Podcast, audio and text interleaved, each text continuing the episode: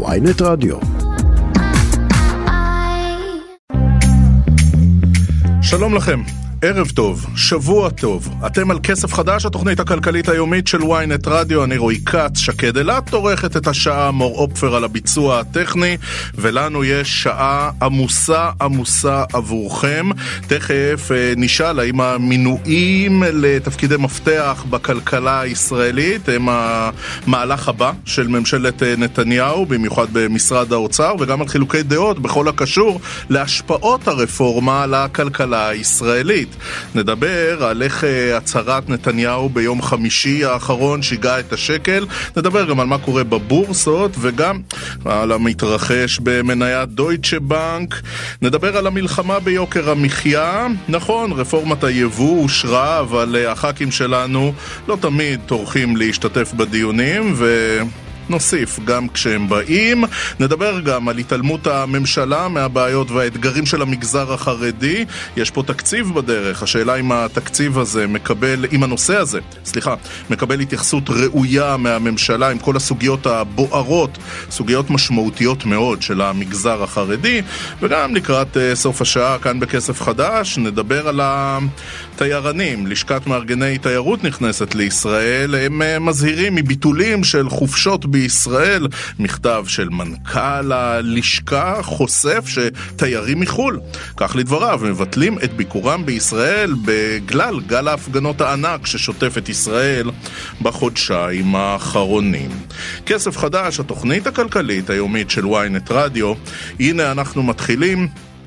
ומספרים לכם שבקרוב ימונו בישראל, בקרוב בחודשים הקרובים, אה, סטטיסטיקאי ראשי, כלכלן ראשי במשרד האוצר, תפקידים שהמחזיקים בהם הם אה, אנשי מקצוע מהדרגה הראשונה, ויש אה, גורמים כלכליים שהם מודאגים מחלק מבורסת השמות, אבל השאלה היא האם המינויים האלה משקפים גם את חילוקי הדעות בכל הקשור להשפעות הרפורמה המשפטית על הכלכלה הישראלית. אנחנו אומרים שלום, ערב טוב למנכ"ל חברת הייעוץ הכלכלי סמכאי אסטרטגיה, ערב טוב לדוקטור אמציה סמכאי. ערב טוב. אתה יודע, הם אומרים שאתה מועמד להיות הכלכלן הראשי הבא של משרד האוצר. כן, אתה יודע, אני קראתי על זה אצלכם, קראתי את זה אתמול בוויינס והבוקר בכלכליסט, לא שמעתי אה, שום דבר על זה מעבר, זאת אומרת לא קיבלתי שום הצעה אה, מאף גורם, אז אה, נורא מחמיא לי שאתם חושבים שאני עומד להיות הכלכלן הראשי, אבל אה, פה זה נגמר ו... כנראה. ואתה אומר לא קיבלתי הצעה כזאת, אין, אין דברים בגו. תשמע, אני לא יודע, אולי לכם יש אינפורמציה שלי אין, אני לא קיבלתי הצעה כזאת. יכול להיות, דוקטור סמכאי, שכל ההתעסקות בזה נועדה אה, לטרפד מינוי שלך? אה, תשמע, יש פה, יש פה ויכוח אה, מאוד מאוד לא ענייני סביב כל הסיפור הזה של הרפורמה. אה, אני בחודשיים האחרונים סובל מלא מעט התנכלויות. זה מתחיל מהטוויטר, עובר דרך עריכות חוזרות ונשנות של הוויקיפדיה שלי וכלה בכל מיני טורים מכפישים בעיתונים במקום להתעסק, אתה יודע, אין, אין, לא ראיתי עד היום, שהיום ראיתי במקרה פוסט בפייסבוק שמנסה להתמודד עם הטענות הענייניות שלי, mm-hmm. לא ראיתי אף ניסיון לוויכוח ענייני עם הטענות שאני אומר. לא, אבל אני אתן לך רגע את הצד השני. עד לפני חודשיים שלושה, מי שמסקר אה, כלכלה הכיר את השם שלך, אבל אה, באופן יחסי לכלכלנים אחרים היית אנונימי. מהרגע שהפכת להיות הקול המשמעותי ביותר בעד הרפורמה המשפטית, וכזה שאומר, תקשיבו, יש פה אלרמיזם והנזק שמדברים עליו לא יקרה, זכית ללא מעט תהילה. יש גם אה, יתרונות בדבר השני. תשמע, אני לא יודע מה זה תהילה, אני יודע שאני הפסדתי המון המון שעות עבודה, אבל אני כן, אני אה, בהחלט התייצבתי לה, לאתגר הזה, ובכל, כמעט בכל אולפן שהזמינו אותי, התייצבתי. אה, כי בסוף אני חושב שזה חשוב, ולו רק בשביל שיהיה דיון ענייני, אמיתי ונכון ברפורמה ובהשלכותיה. אה, ולא רק הפחדות ואזהרות, אלא ממש דיון על העובדות, על הנתונים, על הטענות. והדיון עד עכשיו הוא לא דיון ענייני? אני חושב, לא, הוא לא דיון ענייני, הוא דיון של הפחדות. אה, כל מיני אמירות של הנה יש פה קונצנזוס של כלכלנים, הנה יש פה, אה, אה, המחקר אומר, איזה מחקר? תצטטו את המחקר. הפעם היחידה שציטטו מחקר זה היה הכלכלנית הראשית בנייר ש, שעליו היה את האש שחטפתי בסיבוב האחרון, אה, ושם אני התמודדתי עם המחקר הזה, פירקתי את הטענות שלה, גם את המחקר וגם את הטענות ש, שמסתמכות על המחקר. דוקטור סמכאי, אתה מתלונן על התקפות אישיות, אבל גם אתה תוקף את הכלכלנית הראשית. יפה, אבל אני לא תקפתי אותה אישית. לא אמרתי מילה עליה. אני דיברתי, כל הטור שלי היה טור מאוד מאוד ענייני, שהלך טענה-טענה ופירק אותה. אז נכון, אמרתי שהנייר הזה הוא מגדל קלפים שרעוע. לא אמרתי כלום על הכלכלנית עצמה, אני אפילו לא מכיר אותה, אני לא מתיימר ואין לי שום עניין. הניסיונות האלה לא, לדבר על גופו של אדם, הניסיונות לדבר על גופו של אדם זה כשנגמרות הטענות. וכשאתה אומר מגדל קלפים רעוע, זו לא מחמאה למקצועיות שלה. ודאי שזה לא מחמאה למקצועיות שלה, אבל אני לא דיברתי עליה, אני דיברתי על הנייר שהיא כתבה. והנייר שהיא כתבה, מה לעשות, אה, אה, יש לו בעיות מתודולוגיות חמורות מאוד. דוקטור אמציה סמכאי, כותבת uh, הכלכלנית הראשית אזהרות ברורות, קונקרטיות לסכנות לכלכלה הישראלית כתוצאה מהרפורמה המשפטית. למה אתה חושב שהאזהרות האלה לא רלוונטיות? אה, אם, אם נפרק את המכתב שלה, אז היא כותבת, היא מתחילה באיזשהו מחקר, במחקר הזה בעצמו יש בעיות מתודולוגיות. מצאתי מחקר אחר שאומר, מוכיח שהבע... שהמחקר ההוא הוא לא נכון. אה, לאחר מכן, ה, ה, איך שהיא גוזרת את המסקנות מתוך המחקר הזה, היא גוזרת אותן באמצעות יש, יש שם כל מיני בעיות מתודולוגיות, אני לא יכול להיכנס פה בראיון לרדיו, mm-hmm. אבל מי שרוצה יכול למצוא את המאמר שלי במידה. אה, יש בעיות מתודולוגיות עם דרך גזירת המסקנות, אבל בסוף בסוף בסוף, אם מסתכלים על, שור, על השורה של מה עומד מאחורי הכל, זה הטענה שהרפורמה תפגע בדמוקרטיה. כלומר, אם מניחים שהרפורמה תפגע בדמוקרטיה, אז, לטענת הכלכלנית הראשית, בהסתמך על אותו מחקר בעייתי, הנזק יהיה כך וכך. אבל את זה לא רק אומרת הכלכלנית הראשית, שנייה, את זה גם אומר שאומרים... יושב ראש פורום אה, קהלת לכלכלה, דוקטור מיכאל שראל, הוא גם אומר שזו סכנה לדמוקרטיה. שנייה, שנייה, אבל תן לי רק להשלים את הטיעון. ברגע שאני ואחרים טוענים שלא תהיה פגיעה בדמוקרטיה, אלא להפך, הרפורמה תשפר את הדמוקרטיה הישראלית, והראיתי שם בנייר אחד לאחד, עברתי כמה, אה, על, על לא מעט סעיפים, לדעתי זה 15 סעיפים בשאלון של מדד הדמוקרטיה הבינלאומי, שמראים איך הדמוקרטיה דווקא תשתפר כתוצאה מהרפורמה. אז אה, אה, כל, ה, כל האזהרות האלה אה, אה, נעלמות. ולכן מה, ש, מה שהמסקנה כאן זה שזה בכלל לא ויכוח כלכלי. זה ויכוח דמוקרטי, זה ויכוח האם הרפורמה, האם אה, אה, לתת לעם להכריע ו- ולנציגי העם להתוות את המדיניות שהעם הכריע זה דמוקרטיה, או לתת לכל מיני שומרי סף מטעם עצמם להכריע על מדיניות וזה דמוקרטיה. זה הוויכוח, זה לא ויכוח כלכלי. דוקטור אמציה סמכאי, אומרים עליך שאתה כלכלן מטעם, אומרים שאתה אומר את מה שהממשלה הזאת רוצה לשמוע, שאתה מקורב של סמוטריץ', שר האוצר. תשמע, אני לא חושב שזה בושה להיות מקורב של סמוטריץ', אבל אני מזכיר לך שאני מקורב של עוד הרבה אנשים, כי מה שאני עושה, כחלק מההתנדבות שלי, יש לי עמותה, נקראת בצדק, וכחלק מההתנדבות שלי, אני יושב עם חברי כנסת ושרים ומייעץ להם, ו... כפי שאתה יודע, ואתה מראיין אותי אה, אה, לא מעט שנים, אני לא תמיד אומר את מה שנעים להם לשמוע, ורק לאחרונה, אה, אצלך באולפן בערוץ הכנסת, אה, תקפתי את התוכנית של אה, סמוטריץ' ושל ברקת אה, אה, לפרק את אה, יוניליבר ושסטוביץ' וכולי, לתוכנית דגל, להורדת יוקר המחיה, ואני תקפתי אותה בשידור, ככה שאני ממש לא כלכלן מטעם, תקפתי לא מעט את כל הממשלות, כולל אלה שיעצתי להם, כולל אלה שהצבעתי להם. אה, אה, גם את ימינה תקפתי כשיעצתי לי ימינה, וגם את אה, הליכוד לפני כן תקפתי, את ביבי.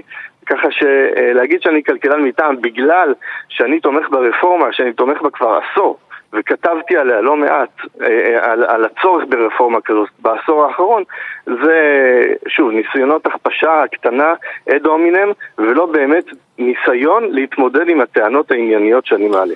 אז אתה אומר אני בעד הרפורמה. בוא נדבר רגע על הדרך. בנקודת הזמן הנוכחית ברור לחלוטין שהנזקים הולכים ונגרמים. זה גם האזהרות מחברות אה, דירוג, בנקים בינלאומיים, זה גם אה, שער השקל. הפגיעה ברורה. יכול להיות, דוקטור אמציה סמכאי, שכמו שאתה אומר, צריך רפורמה, אבל לא ככה? אני לא יודע מה זה לא ככה.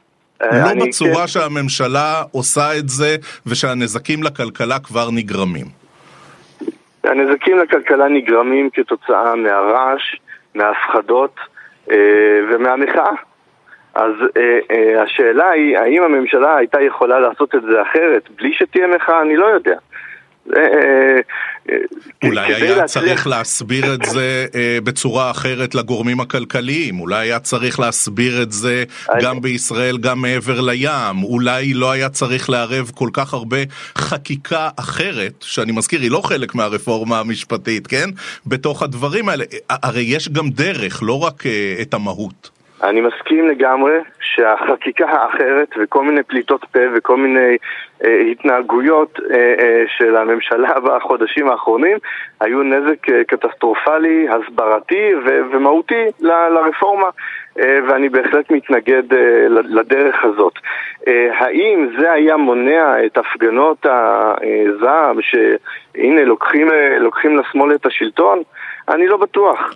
אבל מה שכן... לא, אבל, אבל, אבל הביקורת הכלכלית על הרפורמה היא לא מגיעה רק מהשמאל, היא מגיעה גם מכלכלנים אה, ידועים מאוד, שהיו מזוהים מאוד עם אה, נתניהו, אה, יעקב פרנקל, יוג'ין קנדל, לא בדיוק אנשי שמאל. אני לא יודע מה הכוונה מזוהים עם נתניהו. אם נתניהו מינה כלכלן, זה לא אומר שהכלכלן בהכרח הצביע לנתניהו ושותף לעמדותיו הפוליטיות והאידיאולוגיות.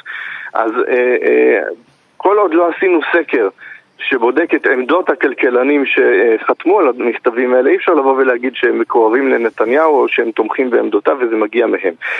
מה שכן אבל, ודיברת על ההסברה לגופים הכלכליים, זה ודאי התפקיד של אותם כלכלנים בכירים במשרד האוצר ואחרים, שזה תפקידם. עכשיו, ברגע שהם באים ומנסים ומנצלים את תפקידם כדי להראות לא יודע, באיזושהי צורה לא מקצועית, כמו הנייר הזה שיצא. אה, אה, ש, שיש אה, נזקים כאלה ואחרים, דוקטור סמכאי, איך כינית, אותם, את, ה, איך כינית אפילו... את המסמך של שירה גרינברג? מגדל קלפים? מגדל קלפים רעוע. אז מה זה, מה זה אומר על המסמכים האחרים של הכלכלנית הראשית באוצר, שירה גרינברג? שגם הם מגדל קלפים רעוע? הרי אתה אני... ממש מערער על המקצועיות שלה. אני לא בדקתי, לא עברתי נייר-נייר ובדקתי את, ה, את הניירות שלה, אה, ולכן אני לא יודע. אני יודע שספציפית הנייר הזה, היה פה איזשהו ניסיון להראות, הנה תראו, הוכחתי מחקרית, אבל ההוכחה המחקרית שם היא אה, שגויה לחלוטין, מתודולוגית.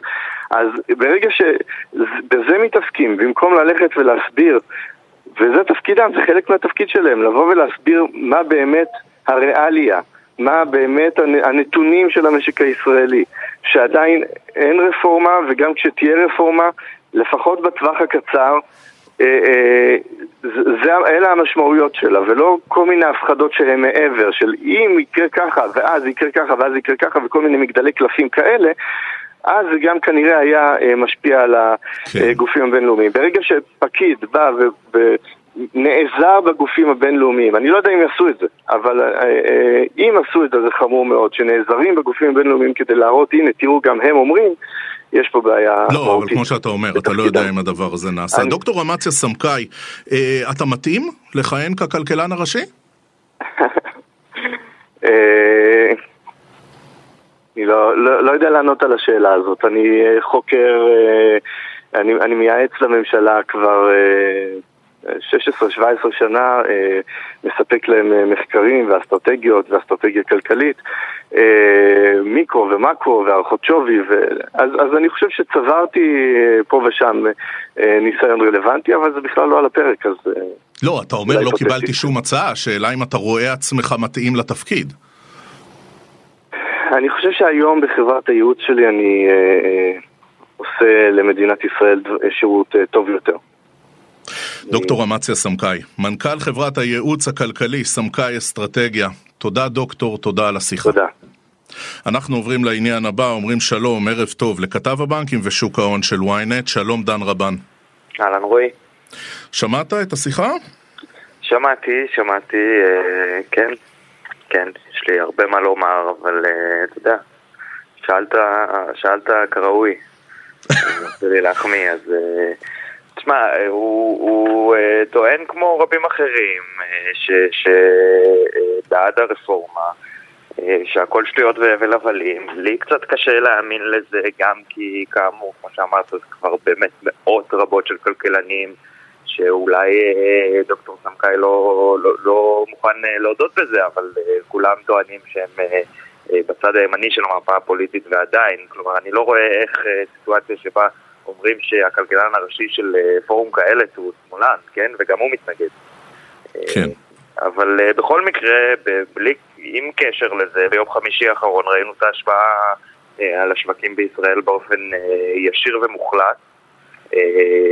הבורסה, ברגע שיצאו הפושים מכל אתרי החדשות, בטח ובטח שבוויינט בראשונה, הבורסה פשוט זינקה והשקל התחזק uh, בצורה שלא ראיתי כבר המון זמן, בתוך חצי שעה בערך. כשהפוש היה כמובן שנתניהו הולך להצהיר הצהרה חשובה בערב, וכולם חשבו שהוא הולך לעצור את הרפורמה, או שקיוו. וזו, זו, אגב, זו כבר פעם שנייה שאנחנו רואים את זה. בחמישי זה היה סופר מובהק, אבל גם לפני כמה שבועות שהיו דיבורים שמגיעים שם לעשן לבן מבית הנשיא, נכון, ואולי יש נכון, מתווה, גם, גם אז הבורסה נצבעה ירוק פתאום. נכון, גם אחרי ההצהרה של הנשיא זה, זה גם קרה, במיוחד השקל מתחזק. אנחנו רואים, תשמע, אני ראיתי את אחד, ה, בטוויטר, אחד החשבונות הכי מובהקים שטען לאורך כל הזמן שזה, סלח לי המילה, חרטא מוחלט ואין שום קשר בין שער השקל והדולר לבין הבורסה, פשוט מצייץ, תשמעו, אני טעיתי, אין שום דרך אחרת להסביר צניחה של זינוק של 2% בטווח של רבע שעה ישר אחרי ההודעה של ההצהרה של ביבי, כאילו זה לא, זה, זה לא סביר שזה משהו אחר. ואנחנו ראינו את זה בהתאם גם בשמונה בערב, כשהוא בעצם הצהיר את, ההצהרה שלו ואמר בפועל שהחקיקה נמשכת, קרה בדיוק הפוך, השקל מאוד מאוד נחלש שוב. והיום באמת, אז זה היה יום חמישי בערב, אז לא היה מסחר בבורסה, הבורסה ננעלה בעליות, בציפייה להצהרה. והיום, אחרי ההצהרה, הבורסה צמחה שוב פעם. המדדים המרכזיים נפלו ביותר משני אחוזים, מדד תל אביב בנקים איבד שניים וחצי, תל אביב נדל"ן ביותר משלושה. אנחנו רואים ישר את ההשפעות של הדבר הזה. השקל אנחנו עדיין לא ביום ראשון היום, ולכן אין כן. מסחר אל מול הדולר, אבל השקל ביום שישי שוב פעם נחלש מאוד, והוא כרגע על 3.59 שקלים לדולר. אנחנו רואים את ההשפעה באופן ישיר, אין פה, אין פה כל כך, מי שאומר שלא זה, זה, זה בדיחה בעיניי. השאלה המרכזית היא, האם באמת ההשפעה הזאת היא השפעה אה, אה, רגשית, אמוציונלית של המשקיעים שחוששים כרגע והיא לא תימשך, או שזה התחלה של מה שהרפורמה אה, אה, עלולה להוביל לכלכלה, שזה חוסר אמון בכלכלה הישראלית ואז קריסה. ההשפעה היא מיידית, היא קיימת, אין איך להגיד שלא. לא, לא. יש פה הלימה מוחלטת. דן, ברשותך, ננדוד מעבר לים, אנחנו רואים לא מעט בנקים שנמצאים במצוקה. עכשיו אנחנו רואים קריסה של הדויטשה בנק. כן, אז זה לא בדיוק קריסה, היה לנו צניחה מאוד משמעותית במניה ביום שישי האחרון, היא צנחה בעצם בשיא ב-14%, שזה מטורף לבנק כזה גדול. היא אחר כך התאוששה קצת, היא סגרה את יום המסחר ב-8.5% שלילי. שברקע כמובן יש לנו את הקריסה של סיליקון וואלי בנק ושל סיגניצ'ר בנק בארצות הברית ואחר כך את הסמי קריסה של קרדיט סוויס בשוויץ שהובילה לרכישת חירום על ידי המתחרה שלו UBS מה שמדהים פה זה שאין שום קשר בין המקרים כלומר מלבד זה שהם בנקים דויטשה בנק שונה לחלוטין גם מקרדיט סוויס וגם מהמקבילים האמריקאים. כן, זה, זה, זה הבדל שאפילו הקאנצלר הגרמני שולץ אה, ביקש נכון. להבהיר אותו. נכון, ביום שישי עם, עם הקריסה הזאת באמת שולץ אה, התראיין ואמר חבר'ה אין לכם מה לדאוג, הבנק הזה הוא אחלה, הוא, לא, הוא לא בסכנה, ובאמת כל האנליסטים גם לא, לא מבינים מה, מה כל כך, מה, מה הסיפור ולמה. כנראה שמה שקרה שם זה שילוב של שני דברים. אחד, זה באמת החששות באופן כללי מ... אה, מענף הבנקאות, והירידה הזאת, אתה יודע, הירידה היא לא רק בדויטשה בנק, אנחנו רואים את ה... יש מדד שנקרא סטוקס אירופה 600 בנקים, שהם גדול, אה, שעוקב אחרי 42 בנקים גדולים באיחוד ובבריטניה, והוא צנח בכמעט 4%, שזה מלא. אנחנו רואים את הירידה הזאת בסקטור באופן כללי, אבל mm-hmm. כנראה שמה שקרה פה זה שהירידה המשמעותית בדויטשה בנק אה, קרתה בגלל אה, אה, קרנות הון סיכון שהחליטו פשוט להמר נגד הבנק ואולי גם דחפו, דחפו פה ושם את, ה, את החשש הזה שדויטשה בנק נמצא בסכנה אה, ובעצם ניצלו את ההזדמנות, את החשש סביב הסקטור בשביל להרוויח כסף אה, שזה תרם. כן. דן רבן. כתב אה, בנקים ושוק הון של ynet. דן, תודה, תודה רבה על הסקירה. תודה לכם. ואנחנו ממשיכים עם העניין הבא. שימו לב, אומרים בוועדת הבריאות של הכנסת, רפורמת התמרוקים יוצאת לדרך, אומר בחגיגיות יושב ראש הוועדה חבר הכנסת אוריאל בוסו מש"ס, לאחר עשור של דיונים שמטרתם להפחית רגולציה ובכך להוזיל את מחירי התמרוקים, הצלחנו להגיע לנוסח מיטבי לטובת אזרחי ישראל. אנחנו אומרים שלום, ערב טוב, לעורכת הדין רחל גורי, מנהלת תחום ממשלה בלובי 99, הלובי הציבורי, כמובן הייתה היום בדיוני הוועדה. שלום, ערב טוב, עורכת הדין גור. ערב טוב. לפני שנפתח את השמפניות ואת החגיגות, ברשותך, ספרי לנו מהי הרפורמה הזו. אז הרפורמה הזאת דווקא די פשוטה, מדובר בפרק האחרון של הרפורמה מאוד גדולה בתחום היבוא, שעבר בחוק ההסדרים הקודם, אה, בתום בנובמבר 2021. אה, בעצם היו לרפורמה הזה ארבע חלקים, הראשון היה מוצרי בית, מה שנקרא תקנים כלליים, אחר כך מוצרי אלקטרוניקה ביתיים, תנורים, אה, מיקרוגלים וכדומה. הפרק השלישי היו תקני המזון, שאנחנו דיברנו עליהם בסביבות ספטמבר, ועכשיו מדובר בפרק האחרון, וזה תמרוקים. תמרוקים זה בעצם רוב המוצרים שאנחנו קונים אה, בסופר פארם או בכל אה, חנות פארם אחר. Mm-hmm. מדובר במוצרי אה, איפור, אה, אבל לא רק, אה, גם משחת שיניים, סכיני גילוח, אה, סבון, שמפו וכדומה. עכשיו, למה נדרש משרד הבריאות לעניין הזה, למוצרי פארמה? כי בעצם הסמכות אה, להחליט אה, מה מותר לייבא ואיך ולמה ואת כל פרטי הפרטים של הרגולציה של יבוא נמצא בסמכות משרד הבריאות, אה, בנושה, בנו, אה, שונה מנושאים אחרים אה, כגון אה, התקנים הכלליים או כגון המזון שבו הסמכות נמצא אצל משרד הכלכלה או בסמכות משותפת של שני משרדים. אה, פה בעל הבית האחד ויחיד אה, זה משרד הבריאות. והייתה פה מלחמה של ממש בין משרד הכלכלה ממש. למשרד הבריאות. כן. ממש, ממש. גם משהו שהוא מאוד יוצא דופן, שבו שני משרדי, אה, שני מנכ"לי משרדי ממשלה, אה, גם אה, אמנון מרחב, מנכ"ל משרד הכלכלה, וגם משה בר סימנטוב, מנכ"ל משרד הבריאות כמובן, ישבו שעות שעות אה, בדיונים, היו בערך אה, בין הדיון הקודם, שבוע שעבר לדיון היום, בסביבות אה, שמונה שעות רצופות של דיונים, אה, ושניהם ישבו וממש התווכחו אה, וניהלו אה, דיון, אה, את אה, ארוך ומעמיק אה, בנוגע לרפורמה, ומי שמכיר את הכנסת זה מאוד מאוד יוצא דופן, שמנכ"ל משרד יושב אה, בכלל, כאילו לאורך כל הדיון, ובטח ובטח אה, שמדובר היה בדיון כל כך ארוך וכל כך טכני. אז תעזרי לנו, עורכת הדין גור, להבין למה משרד הבריאות הקשה כל כך, למה הוא תפס עמדה מחמירה כל כך, כזו שבסופו של דבר גם יקרה את התמרוקים שאנחנו משלמים עליהם?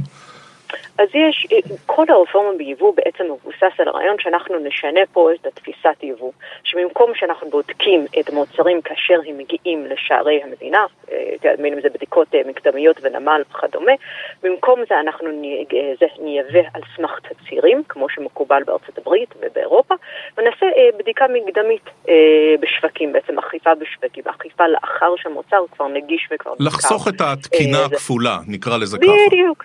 בדיוק, בדיוק. אז אנחנו אומרים שאם מה שטוב באירופה טוב לנו, אם שם זה מספיק פתוח, אז אנחנו נעבור פה למה שנקרא כאילו מערכת ניהול סיכונים.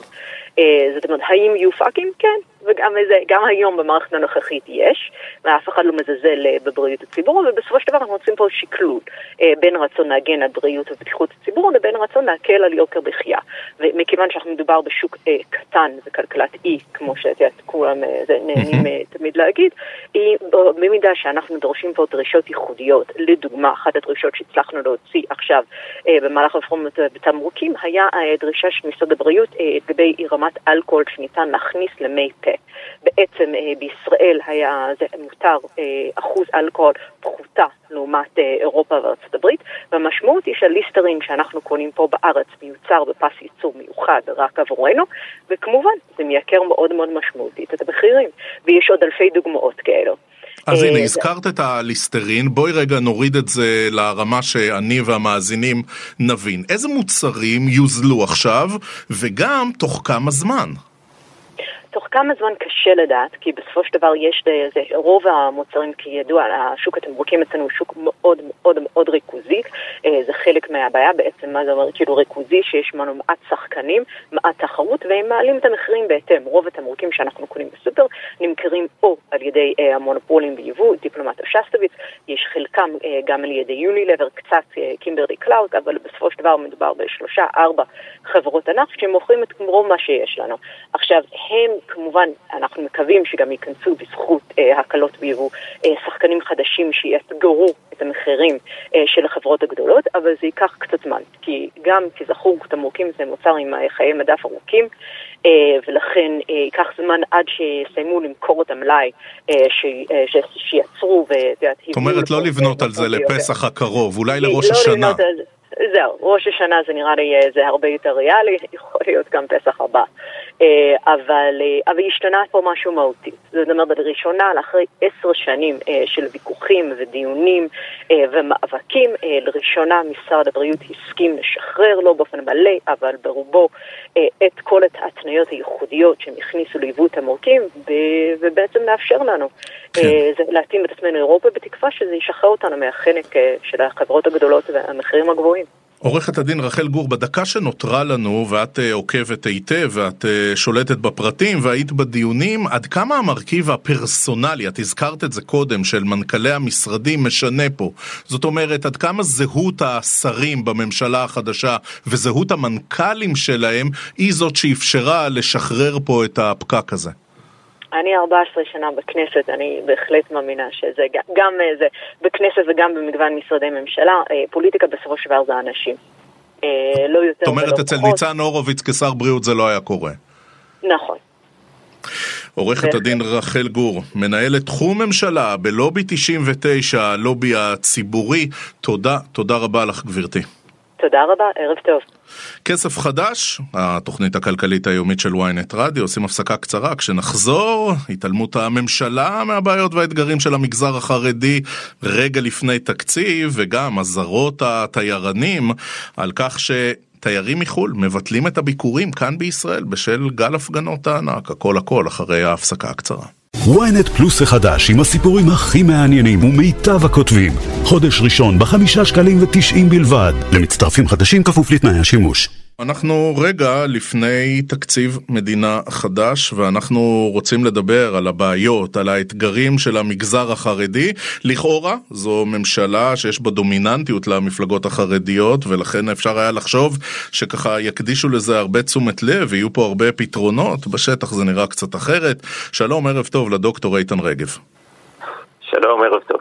סמנכ"ל מחקר ונתונים במכון החרדי למחקרי מדיניות, כלכלן ומומחה בתחום כלכלת המגזר, כלכלת המגזר החרדי בישראל. אז כן, יש לנו חוק הסדרים ויש לנו הצעה לתקציב מדינה. עד כמה יש התייחסות לבעיות, לאתגרים של המגזר החרדי? טוב, בוא, בוא נאמר את זה ככה, בכל... Uh... תקנות התקציב שאנחנו בדקנו לפחות, מוזכר המגזר החרדי אולי פעמיים, וגם כן בהקשרים של חיזוק אוכלוסיות מיוחדות, פחות בנושאים מאוד ספציפיים, ובעצם זה לא מתוך, כמו שאתה ציינת, זה לא מתוך איזשהו חוסר רצון לקדם את המגזר החרדי מצד הממשלה הזאת, אלא הרבה פעמים זה מתוך חוסר יכולת או ידע מספקים כדי לבצע תכנון ארוך טווח. רגע, רגע. רגע. יש פה שתי מפלגות חרדיות דומיננטיות מאוד בקואליציה. יש פה יושב ראש ועדת כספים, משה גפני, שהתקציב הזה צריך לעבור אצלו בוועדה ולהיות מאושר שם. אפשר היה לחשוב שאם יהיה תקציב מדינה שיעסוק בבעיות ובאתגרים של המגזר החרדי, זה יהיה תקציב המדינה הזה, לא?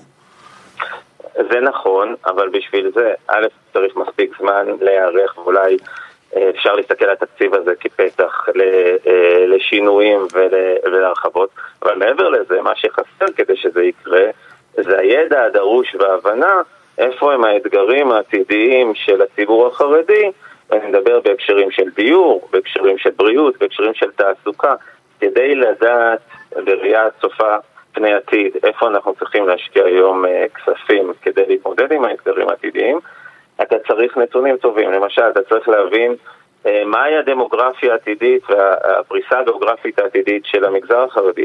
לאן הוא הולך? באיזה, באיזה אזורים הוא הולך להתגורר? אה, מהם צורכי הדיור שלו בשנים הקרובות? מהי המשמעות של השינויים בפריסה הגיאוגרפית של הציבור החרדי על, אה, אה, גם על שיעורי התעסוקה שלו וגם על פריון העבודה. למשל, האם העובדה שחלק גדול מהציבור החרדי, בפרט זוגות צעירים, שמים יהבם עכשיו בלית ברירה לפריפריה, איך זה משפיע על אה, יכולתם להתפרנס, על פריון העבודה.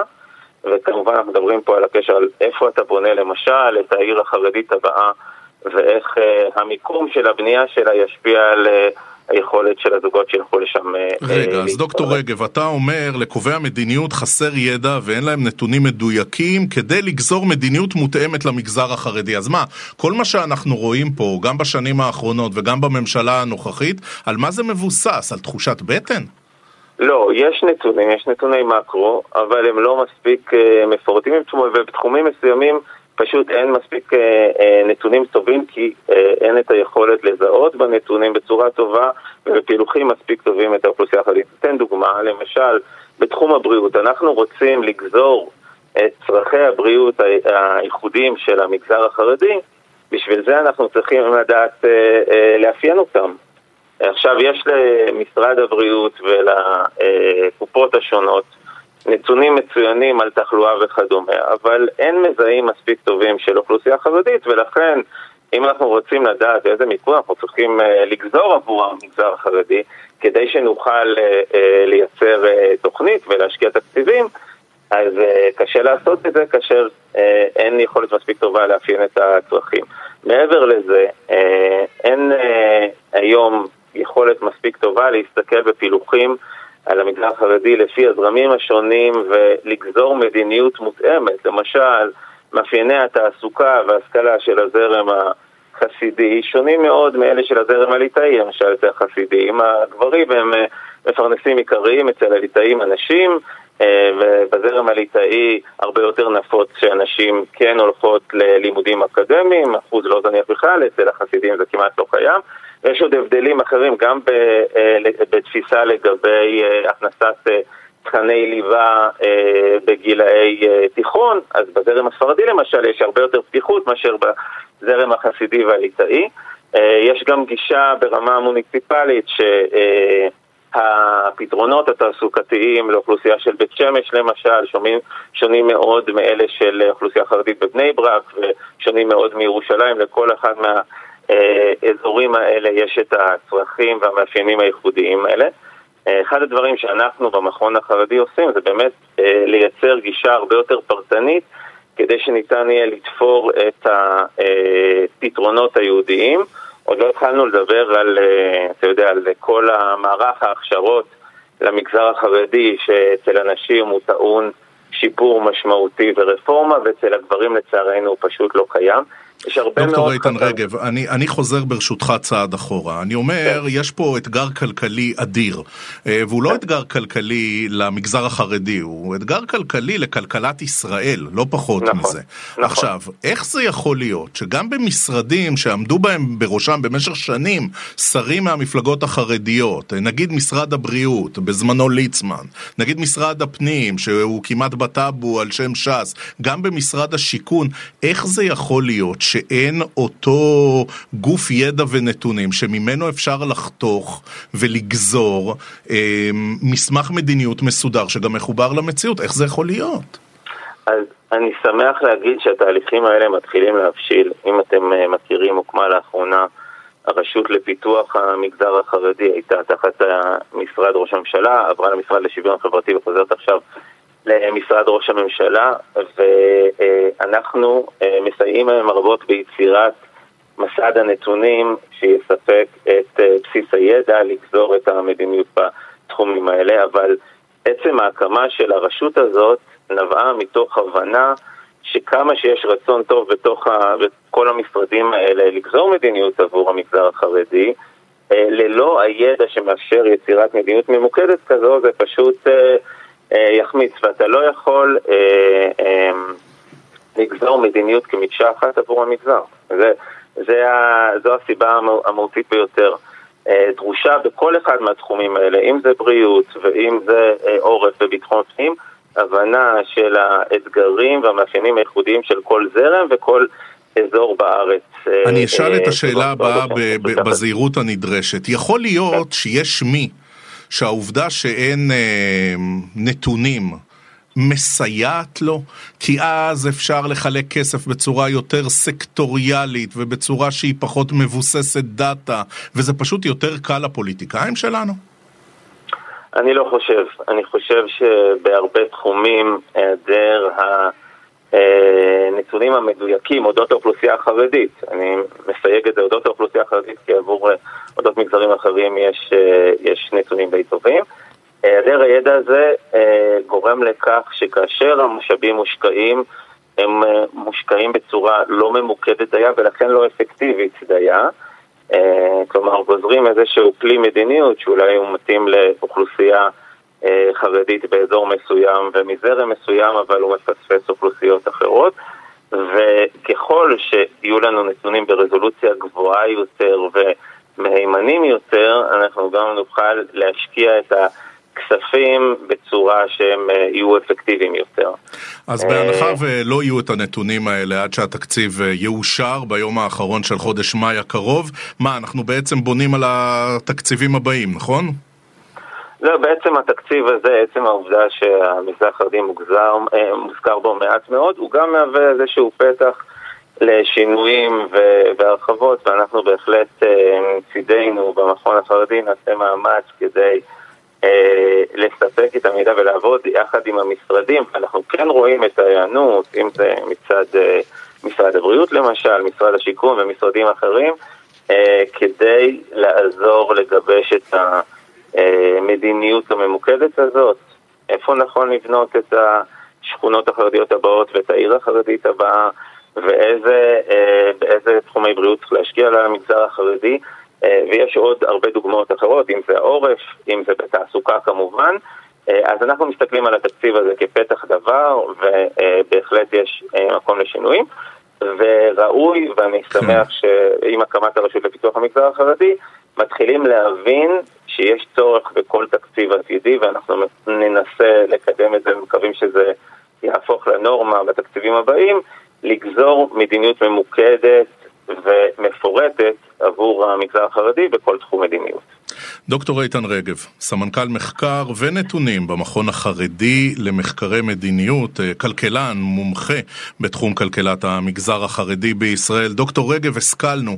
תודה, תודה רבה לך על השיחה. תודה. תודה. יוסי פתאל הוא מנכ"ל לשכת מארגני תיירות נכנסת לישראל, הוא מזהיר בסוף השבוע שתיירים מחו"ל מבטלים את הביקור בישראל בשל הפגנות הענק, גל הפגנות הענק ששוטף את המדינה בחודשיים האחרונים.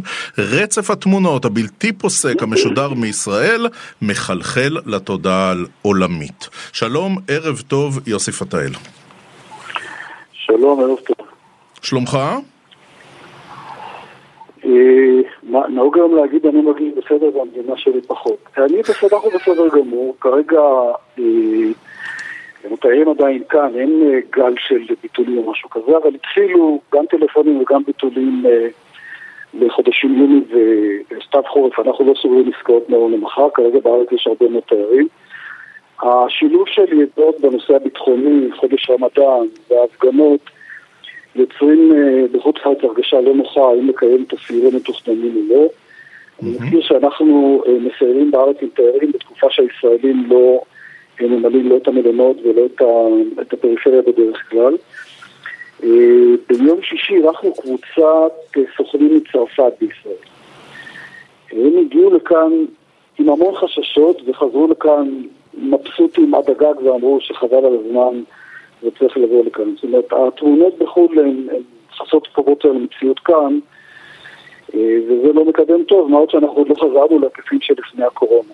רגע, אבל הזכרת את הרמדאן והזכרת גל טרור ויש גם את אה, גל הפגנות נגד הרפורמה המשפטית והאזהרות כן, ממה שישראל תהיה. יכול להיות שיש פה איזה, אתה יודע, סוג של סופה אה, מושלמת וזה יחד עם אה, ישראל שהפכה להיות עוד יותר יקרה בגלל גל עליות מחירים, זה הופך את המקום שלנו להרבה פחות אטרקטיבי עבור תיירים.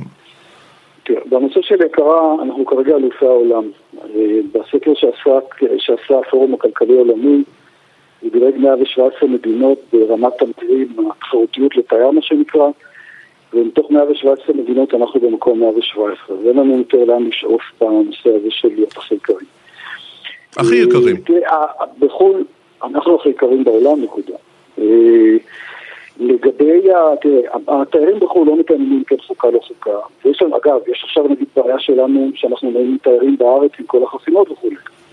הם רואים הפגנות, לא נמצאים ברזולוציות שלנו, אז הם רואים שהמדינה לא שקטה עם הנושא של הביטחון. גם אנחנו, אם היינו רואים חדשות על איזושהי מדינה, ואנחנו נחשבים תיירים אמיצים בדרך כלל, אז היינו אומרים, עזוב אותך, זה לא, לא הזמן. פה מדובר על התחייבויות כספיות מאוד כבדות מחו"ל. אנשים רוצים לראות לאן, אה, לאן הכל אה, הולך, כי להכל יש טובת תעודה מאוד מאוד אה, חזקה. עכשיו, יוסי פתאל, לא כל התיירים הם אותו סוג של תיירים. בוא נדבר רגע נכון. על תיירות אידיאולוגית, זה לא המונח הנכון, אבל ככה אני אכנה את זה. מדובר נגיד בתגלית, תיירים יהודים וכמובן צליינים. איך זה משפיע עליהם? על כולם, זה לא יוצא מן הכלל. כולם כולם. שהם בדרך כלל, תשמע, אני מדבר איתך כרגע בעיקר על צליינים, שהם סטנן שתמיד חוזר ראשון, והוא, אה, יש לו יחסית כוח ספיגה הכי גדול. אה, מכיוון שהם באים מטעמים אה, דתיים, אמוניים, אה, לנו יש זיכרון פה על אלוהים בישראל, ואנחנו, זה מקום שקדוש לשלושת הדתות, ואנחנו רואים את הטלפונים מהם. עכשיו תראה, אנחנו לא הכרנו כאלה טלפונים משהו כמו שש שנים, גם כשהיו מנהרות בצפון ובעזה וטיל בתל אביב, לא היה פה ביטול אחד, היינו בתנופה מטורפת עד ארבעה וחצי מיליון. ובחזרה הזאת למקום של אה, אה, להסביר וכולי, אנחנו לא, אנחנו כבר לא, לא תרגלנו את זה הרבה זמן, כי אנחנו תמיד הלא גם שגרירים של המדינה. אז, אז זה מחלחל, אה, זה בהחלט מחלחל אל התודעה, ובנושא הזה, ברגע שמשהו משתרש תודעתית, אחר כך להשיג אותו אה, זה קצת יותר קשה, מה עוד שהעסקאות שלנו הן עסקאות שנעשות חצי שנה ועד ארבע שנים מראש. אה, וזה לא כן. לא אקלים נוח אה, לקדם יוס, יוסי פתאל, אנחנו יודעים שאנשים אוכלים עם העיניים והם גם בוחרים חופשות עם העיניים. המיצגים האלה של סיפורה של שפחה בכל האטרקציות התיירותיות של ישראל, מה זה עושה למי שרוצה לבחור חופשה והוא מחו"ל? אני, אני לא יודע.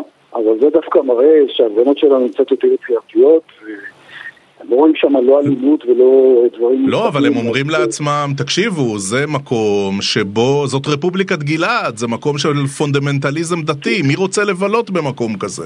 אז תשמע, אתה מדבר איתי, אני כרגע במדריד.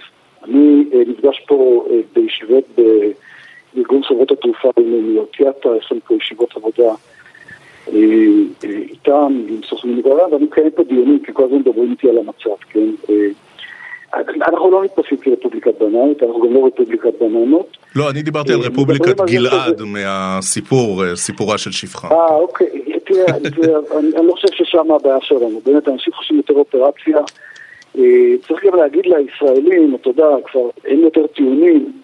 אם לא יהיו תיירים, לא יהיו מספיק אה, מטוסים אה, שהישראלים יכולים לברוח מהמדינה שלנו לכמה ימים. אה, זה גם שיקול, יוסי פתאל. זה גם שיקול.